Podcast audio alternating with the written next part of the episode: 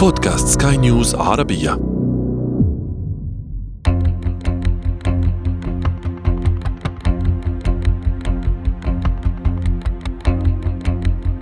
تخيل أنه منذ توحيد إنجلترا حكمها 62 ملكا فقط وأن التاج الذي وضع على رأس الملك تشارلز الثالث صنع قبل 360 عاما كاملة وأن المكان الذي شهد تتويج الملك تشارلز توج فيه من قبله 39 ملكا. ألاف الحضور وملايين المشاهدين لمتابعة طقوس عمرها ألف عام لتتويج تشارلز الثالث ملكا على بريطانيا. هذا أنا عمرو جميل أحييكم وأنتم تستمعون إلى بودكاست بداية الحكاية. بداية الحكاية.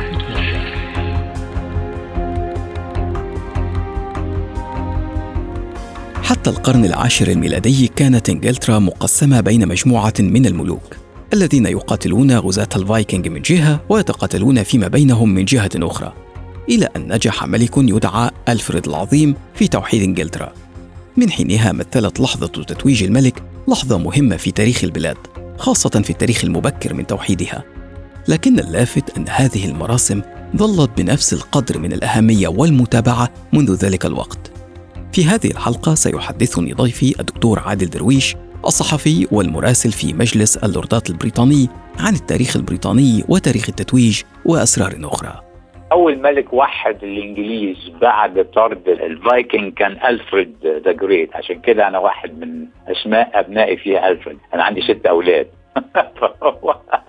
لكن ما كانتش لسه كاتدرائية اتبنت أو ما كانتش لسه المدير اتبنت. فكان بيتم في الكنيسة ما كانت لسه كنيسة صغيرة أو كان أحيانا بي بيتم في كنائس مختلفة أو قبل المسيحية كانت بتتم في جلاستنبري اللي هي بيتم فيها الاحتفال لأن طبعا الأقدم ديانة الديانة الوثنية القديمة في بتاع حوالي 8 فروع منها هنا. وفي ناس تمت في يورك آه وفي ناس تمت في كاتدرائية وينشستر لكن لما بقت لندن هي العاصمة الكبيرة وبنيت هي كنيسة ضخمة جدا على فكرة حجم نوتردام في باريس فابتدى فيها التقليد ده ابتداء من 1066 المراسم شكلها الحالي بدأت في 1274 مع إدوارد الأول بشكلها الحالي.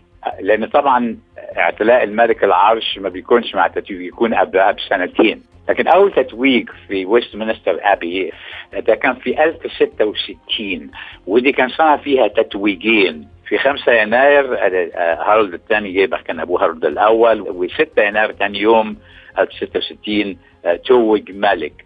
في السنة دي حصل غزو من النورمانديين اللي هم جايين من شمال فرنسا اللي هو ويليام the Conqueror ويليام الأول ويليام الفاتح. استولى هو على عرش إنجلترا ففي نوفمبر بقى ملك وفي يوم الكريسماس 1066 توج فده هو كان تاني تتويج. وطبعا بتضاف حاجات أكتر. المملكة المتحدة بشكلها الحالي كانت مع تتويج جيمس الأول. أو جيمس الأول ده يبقى ابن أخت إليزابيث الأولى اللي هي بالمناسبة هي في تتويجها في 1599 ركبت عربية مكشوفة بيجرها خيل وكانت ماسكة الكتاب المقدس وكان في يناير فكانت الدنيا برد قوي الناس يحرموا عليها الزهور. فهي لما ماتت في 1601 اوصت من ابن بنت عمها ميري اللي هي عدمتها جيمس بتاع اسكتلندا يبقى جيمس الأول لكن أول توحيد للمملكة المتحدة من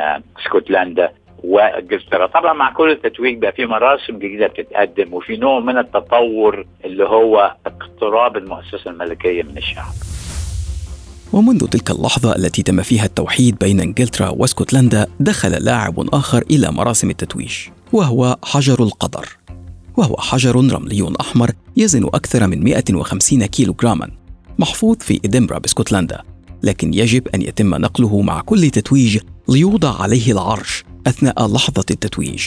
هو الحجر ده عليه غموض شوية لأن هو من احجار شمال اسكتلندا فانتقل من منطقة إلى أخرى. وتتويج الملوك الاسكتلنديين كان بيتم منه يعني هو لأن في حوالي تعرف دايما الملكية والأديان والحاجات دي جزء كبير منها هو أساطير متوارثة من أساطير ثانية وما إلى ذلك. فبيقول إن هذا الحجر يعني فيه قوة خفية وفي زي زي الأحجار مثلا اللي هي ستون هنج وزي الهرم بقى الحاجات دي كلها.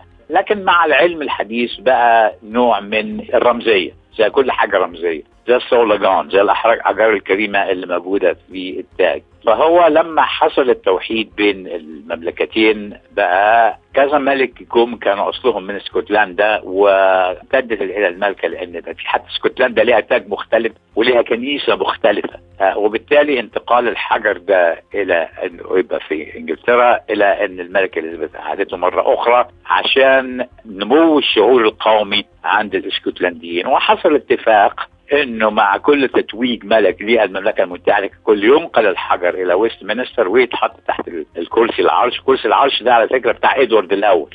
فبيتحط تحتيه عشان يعني يدي نوع من الرمزية والقوة وبعدين يعاد ثاني مرة أخرى إلى اسكتلند. واحد من أهم طقوس التتويج وهو الجزء الأكثر قداسة في التتويج أيضا هو طقس مسح الملك بالزيت المقدس. وبالمناسبة فالزيت يأتي من أرض فلسطين. ويتم تقديسه بشكل مسيحي في كنيسة القيامة.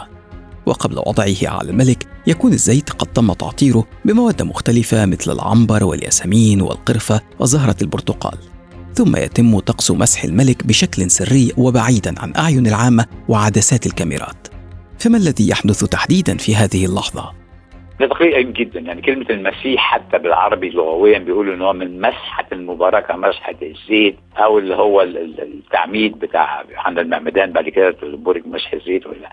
فهي هنا بيبقى الإنسان تقريبا شبه عريان ودي بينه وبين الإله اللي بيؤمن بيه بينه وبين السماء بينه وبين ربه. فدي طبعا بيبقى فيها نوع من الخصوصية الذاتية ولذلك هنا الملك بينحني على ركبه وقدام الكتاب المقدس ويقسم أمام الله إن هو يكون ملك عادل وعن الشعب وما إلى ذلك. فهي في كلمتين هي في mystery وفي الكلمة الثانية آه، اللي هي secrecy فهي كلمة mystery هي غموض في نوع من الدينية. يعني يعني عشان يسمح الأرض للخيال ليه؟ لأن الكنيسة الأنجليكانية هي كنيسة علمانية كنيسة أقل تزمتا من الكنيسة الكاثوليكية.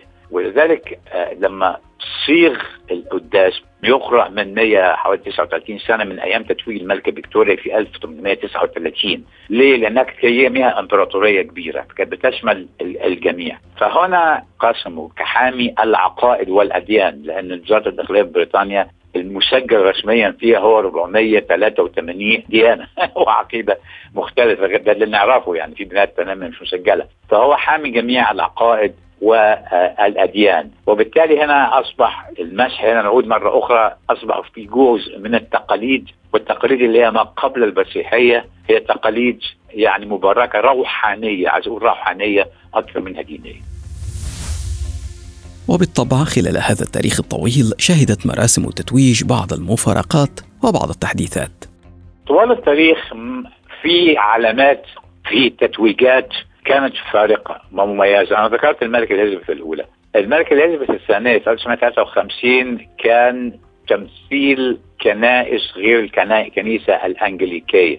رأينا أن رئيس الكنيسة الإسكتلندية هو اللي قدم لها الكتاب المقدس ورئيس الكنيسة الكاثوليكية قدم رمز من الرموز. إذا عدنا بالذاكرة إلى 1661 شارع المال نفسه اللي الشارع الكبير اللي بيتم فيه الاستعراضات واللي كان ماشي فيه الجيش اللي هو من قدام اللي يعرف لندن من قدام قصر باكنغهام إلى ميدان Trafalgar Square الطرف الأغر اللي عمل المال ده تشارلز الثاني. تشارلز الثاني الثاني ده ابن تشارلز الأول اللي هو أعدم في الحرب الأهلية.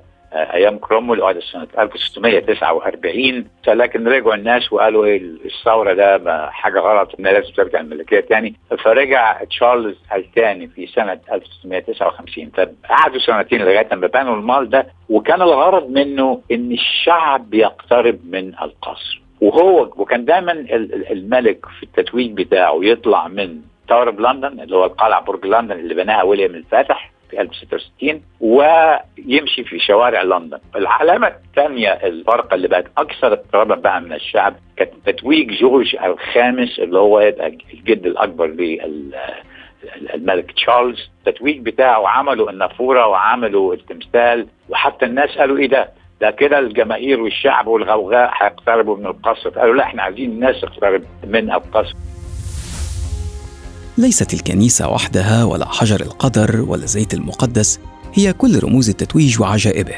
فهناك كرسي العرش والتاج والعربة الملكية التي نقلت الملك والكرة الملكية وحتى السيوف التي يحمل كل منها اسما بدلالة معينة. وهي تقاليد تجعل من الأسرة الملكية في بريطانيا الأكثر تفردا في العالم وربما الأكثر إثارة للجدل أيضا. بداية الحكاية